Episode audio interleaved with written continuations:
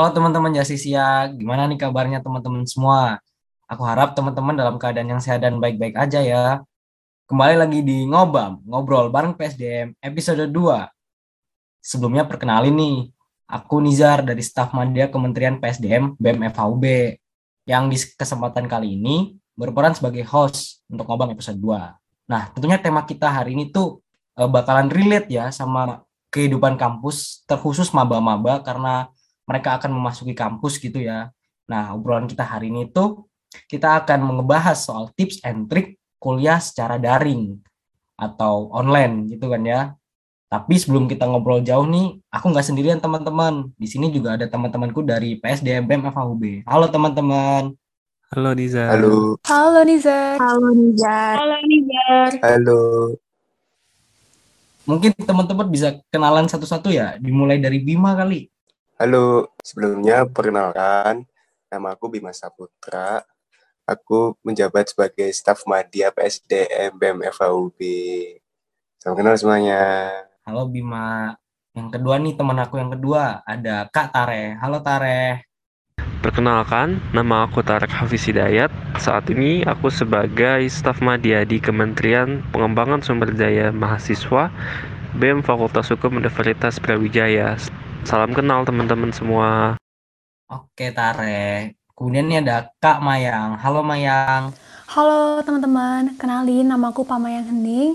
Aku dari angkatan 2020 yang sekarang menjabat jadi staf media di Kementerian PSDM BEM FHUB tahun 2021. Salam kenal semuanya. Salam kenal Kak Mayang. Selanjutnya ada Kak Dinda. Halo Kak Dinda. Halo semuanya, salam kenal. Nama aku Yasmina Dinda dan aku uh, menjabat sebagai staf media PSDM. Salam kenal. Salam kenal Kak Dinda.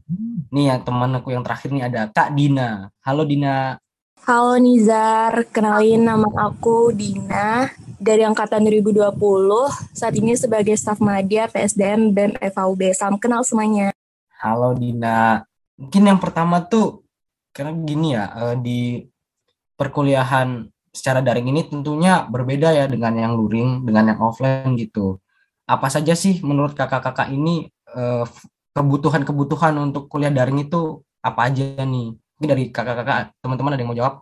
Mungkin aku izin jawab ya, Nizar.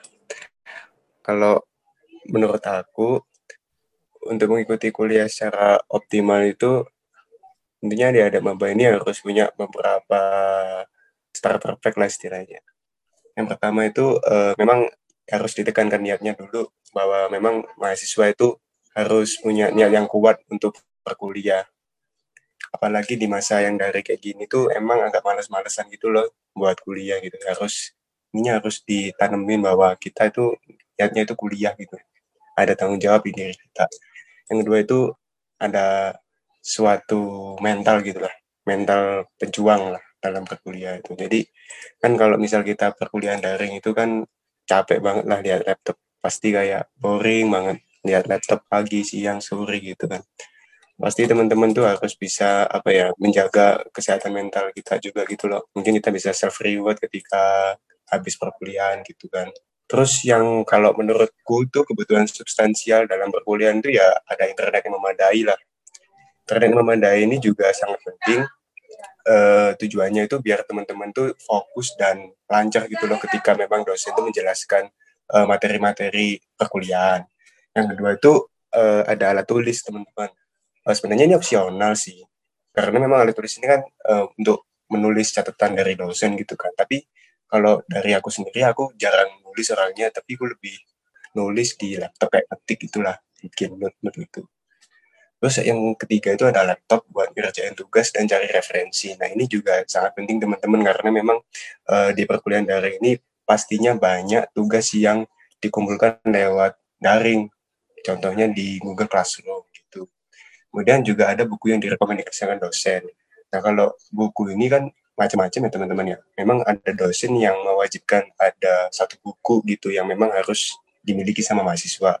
Tapi juga ada buku yang memang uh, dosen tuh membebaskan gitu uh, literasi-literasinya, literatur-literatur lah istilahnya. Uh, jadi supaya memang teman-teman maba ini uh, kemampuan hukumnya itu meningkat.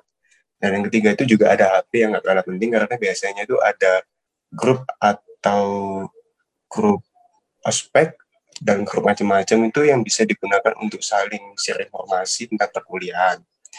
Nah, memang uh, suasana perkuliahan itu beda banget kayak sebelum kita SMA. Yang biasanya emang kalau di SMA itu uh, cenderung kita nunggu instruksi dari guru gitu kan.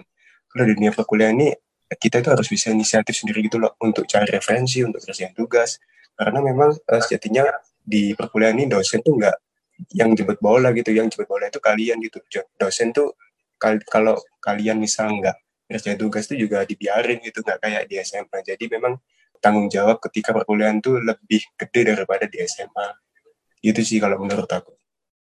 Wah bagus banget nih dari Kabima jadi teman-teman itu pertama harus punya alat alat teknis ya aku bilang seperti laptop internet yang memadai. Terus yang kedua tuh teman-teman harus punya effort lebih untuk semisalkan menatap laptop seharian terus harus ekstra baca buku karena dan jurnal-jurnal. Karena menurutku perkuliahan selama satu jam itu masih kurang gitu nancep di kepala gitu. Nah, pasti nih ya semester satu nih adik-adik nih ambis banget nih buat dapat IP tinggi dan ambis-ambisnya juga buat ikut organisasi. Nah, mungkin dari teman-teman di sini yang udah pernah ikut organisasi nih, mungkin teman-teman bisa spill nih tips and trick untuk mendapatkan nilai yang bagus dan juga aktif dalam organisasi gitu. Gimana teman-teman? Mungkin aku mau jawab ya bentar. Nah, bener banget nih. Uh, untuk dapetin nilai yang bagus dan aktif di organisasi itu merupakan hal yang penting teman-teman. Keduanya itu sama-sama pentingnya kayak gitu. Ketika kita sebagai mahasiswa baru, kita haruslah bisa untuk membagi waktu kita. Di samping kita belajar di dalam akademik, kita juga harus belajar di dalam organisasi. Karena memang ada beberapa hal yang tidak kita dapatkan di bidang akademik, teman-teman. Nah, selain itu juga uh, di samping kita organisasi, jangan sampai lupa tugas kita sebagai mahasiswa, yakni untuk mendapatkan nilai yang baik. Nah, kalau misalkan untuk mendapatkan nilai yang baik, tips dari aku sih dari teman-teman semuanya, teman-teman harus punya niat dulu, punya niat yang tinggi. Uh, niat awal teman-teman untuk berkuliah itu seperti apa? Nah, dengan niat itu, nanti yang akan mendorong teman-teman untuk rajin membaca, rajin bertanya, rajin berdiskusi, maupun mencari hal-hal baru untuk teman-teman semua. Nah, habis itu, selain tips untuk mendapatkan nilai IP yang tinggi, juga uh, aktif dalam berorganisasi juga itu merupakan hal yang penting, teman-teman. Dari hal tersebut juga yang nantinya akan melahirkan sebuah pemikiran kepada kita sebagai mahasiswa dan mengasah tingkat daya analisis kita gitu sebagai mahasiswa. Jadi ketika kita sudah menyeimbangkan dua hal itu teman-teman, maka kita bukan menjadi seorang mahasiswa yang sama dengan mahasiswa lain. Kita bisa menjadi seorang mahasiswa yang memiliki nilai lebih dibanding dengan mahasiswa lain seperti itu. Nah, terus juga untuk menyeimbangkan itu merupakan menyeimbangkan organisasi dan dunia perkuliahan itu merupakan sebuah cara yang bijak, teman-teman. Dalam terus mendorong diri sendiri untuk bisa maju, tentunya harus diikuti juga dengan sikap rajin membaca, bertanya, serta memperhatikan apa yang dijelaskan dalam kelas. Mungkin itu aja sih dari aku, Nizar. Wah, setuju banget sih sama Kak Tareh ya. Memang kita sebagai mahasiswa ini eh, sepatunya udah berkewajiban nih, punya kemampuan time management untuk manajemen akademis dan manajemen organisasi. Bicara mengenai akademik, mau nanya nih ke teman-teman, bagaimana sih matkul-matkul di semester 1 dan tipikal dosen di FH tuh kayak gimana sih? Oke, Nizar, aku mau jawab sih untuk pertanyaan ini. Kalau dari pengalaman aku di semester 1, kita tuh dapat 9 mata kuliah. Masing-masing ada tiga kategori, yaitu ada MPK atau mata kuliah pengembangan kepribadian, yang terdiri atas pendidikan Pancasila, kewarganegaraan, dan pendidikan agama. Kemudian ada MKBB, mata kuliah berkehidupan bersama, yang terdiri atas kewirausahaan, bahasa Indonesia, dan bahasa Inggris. Dan yang terakhir ada mata kuliah keilmuan dan keterampilan hukum, yang terdiri atas ilmu negara, pengantar ilmu hukum, dan pengantar hukum Indonesia. Matkul-matkul tersebut pada intinya merupakan matkul awalan atau dasar buat adik-adik maba untuk mempelajari macam-macam hukum yang lebih kompleks dan sangat luas lagi. menanggapi pertanyaan Nizar yang mengenai tipikal-tipikal dosen ya. Kalau menurutku tuh macam-macam banget sih dosen di FAUB. Dari mulai junior sampai senior. Ada yang memang waktu ngajar tuh bawaannya santai sambil bercanda sama mahasiswa. Terus ada juga yang memang bawaannya tegas gitu kan. Terus juga ada yang dosen tuh emang jarang banget masuk kelas. Karena memang ada kesibukan di, di luar kelas gitu sih. Jadi kalau menurut aku tuh semua kembali ke adik-adik maba sih gimana kita bisa fleksibel dalam menyikapi gaya gaya dosen di FAUB yang sangat heterogen. Dan yang paling penting tuh kita itu tetap harus jaga attitude kepada dosen di dalam kuliah, di saat kita chat bertanya kepada dosen dan tentunya juga kita harus menjaga etika kita di luar perkuliahan. Kalau menurut aku gitu sih setuju banget nih sama opininya Bima. Nah, karena tadi Tarik dan Bima udah ngebahas soal akademik, mulai dari peralatan apa aja yang perlu dipenuhi untuk kuliah online, terus juga dosen dan matkul di FOB itu kayak gimana. Sekarang kurang lengkap nih kalau kita nggak bahas tentang pengalaman organisasi yang ada di FOB. Gimana kalau sekarang kita mulai memberikan informasi terkait organisasi apa aja sih yang ada di Fakultas Hukum Universitas Brawijaya? Setuju nggak nih yang lain? Setuju banget sih. Banget sih. Setuju banget, Dina.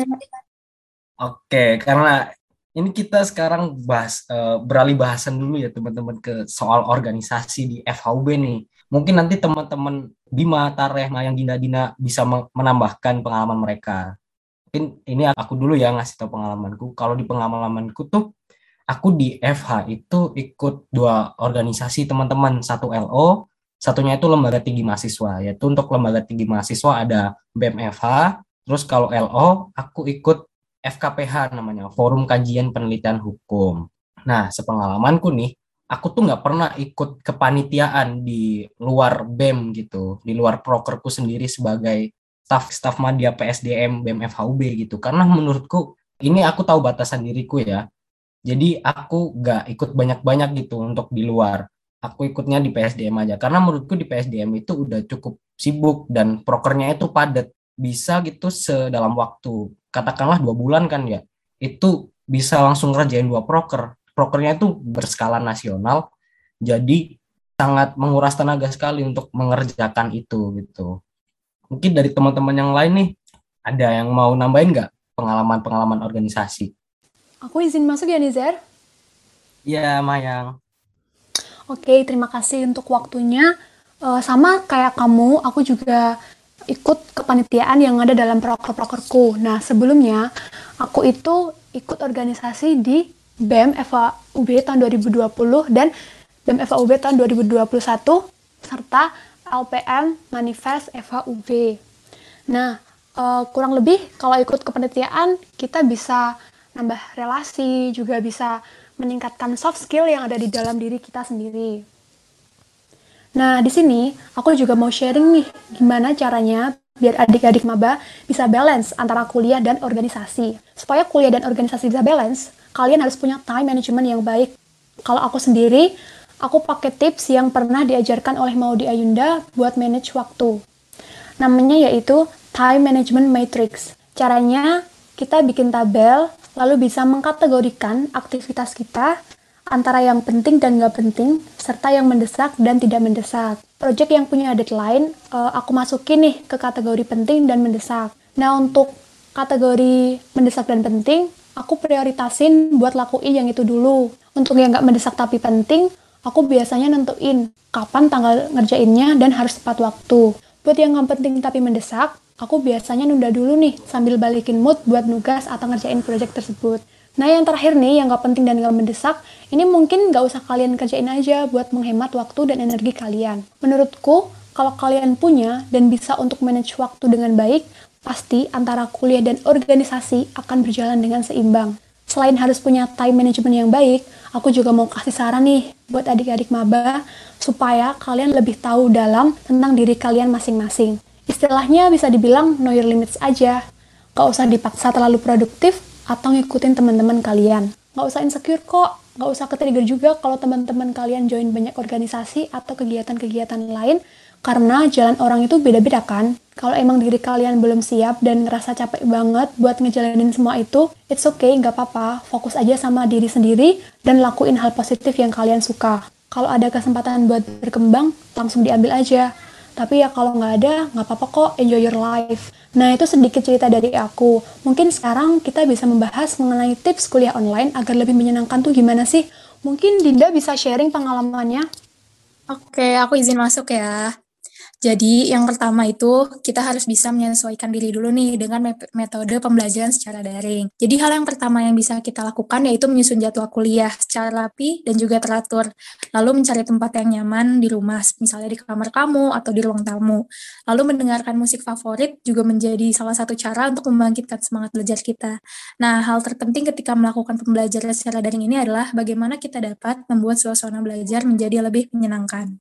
Seperti itu. Bro. Setuju banget. Saat kondisi daring seperti ini, kita emang harus harus harus pintar-pintar untuk memberikan suasana positif di sekitar kita agar nantinya lebih semangat mengikuti pembelajaran. Wah, setuju banget nih aku sama opininya Dina sama Dinda. Nah, mungkin begini ya, kalau kuliah nggak ada temennya itu kan kayak kurang kurang have fun gitu kalau kuliah. Apalagi kita kan sekarang itu kuliahnya daring nih mungkin bakalan agak sulit ataupun perlu adaptasi nih untuk nyari teman-teman di perkuliahan daring nih kayak gimana. Nah, mungkin dari teman-teman di sini yang sekiranya sudah pernah mengalami kuliah daring, bagaimana sih tips and trik teman-teman untuk mendapatkan teman gitu? Mungkin Dinda bisa jawab. Oke, aku izin masuk lagi ya buat ngasih tips and trik ya. Nah, kalau dari aku pribadi nih, aku waktu pertama kali masuk ke FAUB itu nyari kenalan dari temen yang satu daerah sama aku dan akhirnya kita cocok ngobrol-ngobrol. Nah, setelah itu kalian nanti kan bakal masuk ke PK2 Maba ospek jurusan. Nah, nanti kalian di situ bakal dibuat eh, kelompok-kelompok dan di dalam kelompok itu kalian tuh nanti bakal banyak berinteraksi. Nah, kalian pinter-pinter aja tuh ngob cari obrolan atau cari topik sama teman-temannya. Nah, setelah itu kalian pastinya akan masuk ke kelas-kelas saat saat kuliahnya mulai. Nah, di situ kalian juga bisa tuh nyari teman untuk nugas, bertanya tentang tugas dan lain-lain. Nah, setelah itu kalian mungkin juga bisa mencari teman di organisasi. Pastinya kalian bakal masuk organisasi dong. Nah, di situlah tempat kalian untuk mencari teman-teman juga. Begitu sih kalau dari aku. Terima kasih. Oke, Dinda. Nah, buat adik-adik maba nih, bisa di, bisa dicoba nih tips dari Kak Dinda kita kan itu sebagai mahasiswa hukum itu lekat sekali ya dengan stigma-stigma seperti harus jago debat, terus pintar berargumentasi, terus kritis, dan selalu update dengan isu-isu tentang hukum. Menurut teman-teman itu stigma seperti itu benar gak sih? Stigma yang bisa jawab. Oke Nizar, makasih atas waktunya. Kalau menurut aku nih ya, anggapan seperti itu gak sepenuhnya benar dan gak sepenuhnya salah. Karena menurut beberapa pengalaman dari aku dan juga teman-temanku, memang anak-anak Eva itu sendiri spesialisasinya banyak. Ada yang jago debat, ada yang jago analisis, ada yang public speaking, speakingnya keren, terus ada juga yang jago nulis dan beberapa ikut lomba kepenulisan. Nah, dari situ aku paham betul bahwa teman-teman semua ini punya bakat di bidang masing-masing. Aku juga mau sharing nih, menurut aku sendiri, ada beberapa skill yang harus dikuasai mahasiswa hukum ke depannya. Yang pertama itu ada skill menulis. Contohnya seperti menulis gagasan dalam artikel, menulis legal opinion, dan juga lain-lain. Yang kedua, skill menganalisis suatu permasalahan agar bisa mengkaitkan teori hukum dengan dengan isu-isu hukum. Yang ketiga, skill public speaking yang baik dan benar. Kalau emang masih belum jago dalam satu bidang, misalnya nih di bidang public speaking, adik-adik maba nih bisa memaksimalkan dan melatih kemampuan tersebut supaya nantinya kita akan terbiasa. Aku sendiri juga masih belajar dan akan terus belajar kok buat nguasain berbagai skill tersebut. Kalian masih punya banyak waktu buat mengasah keterampilan dalam berbagai bidang. Selama ada keinginan buat berkembang, pastikan, pastikan ada jalan. Jadi, jangan pernah patah semangat untuk explore diri kalian lebih dalam supaya kalian juga tahu nih di mana minat dan bakat kalian nantinya itu aja sih Nizar kalau dari sudut pandang aku ya. Oke, setuju banget sih aku sama Mayang. Yang penting itu kita bisa melatih kemampuan kita dan menjadi orang yang punya spesialisasi masing-masing gitu, bakat masing-masing. Jadi maksimalkan aja apa yang uh, sudah ada di adik diri-diri adik-adik maba gitu. Ini kita udah ngobrol banyak nih soal masalah perkuliahan di FH nih. Uh, mungkin dari teman-teman ada nggak tuh kata-kata mutiara atau motivasi untuk adik-adik maba kita nih yang akan masuk kuliahnya daring juga nih. Oke, mungkin aku langsung masuk aja ya Nizar ya. Uh, di sini aku mau kasih pesan buat adik-adik maba itu sendiri ya. Kalau dari aku secara pribadi, uh, adik-adik mahasiswa baru di Fakultas Hukum Universitas Brawijaya khususnya, ini merupakan murid-murid terbaik yang sudah diseleksi dari beberapa metode, yang mana seleksinya tentu berbeda-beda.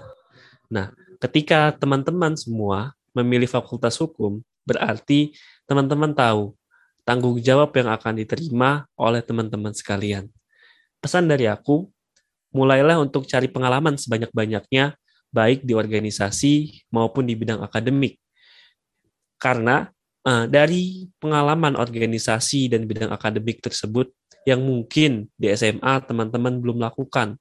Nah, di perkuliahan ini kita atau mahasiswa baru sejatinya harus nih uh, ikut dan gak hanya belajar tentang masalah akademik saja, tapi banyak hal yang bisa kita pelajari, mulai dari organisasi, time management, problem solving, upgrading skill yang sebelumnya belum kita punya dan masih banyak lagi. Dari hal-hal tersebut, itu bisa kita lakukan kalau kita dapat memanfaatkan waktu sebaik mungkin di jenjang perkuliahan. Intinya, tetap semangat buat teman-teman mahasiswa baru semua. Jangan lelah untuk belajar, jangan lelah untuk mendorong diri sendiri untuk maju, karena jika kamu tidak sanggup menahan lelahnya belajar, maka kamu harus sanggup menahan perihnya kebodohan. Itu quotes dari Imam Syafi'i. Mungkin itu aja sih dari aku, Nizar. Oke, terima kasih Tare. Wah, keren, keren dan mengena sekali ya motivasinya ini. Nah, kita udah di ujung pembicaraan nih teman-teman. Sebelum aku akhiri podcast Ngobam episode 2 ini, aku mau ngucapin terima kasih banyak buat teman-teman staf, staf Media PSDM yang sudah hadir dan membagikan ceritanya yang berkenaan dengan perkuliahan daring nih. Aku, Muhammad Nizar Zaldi, selaku host pamit undur diri. Kurang lebihnya mohon maaf tetap jaga kesehatan, stay safe, dan sampai jumpa di Ngobam episode 3. See you guys. See you Niza. See you. See you teman-teman.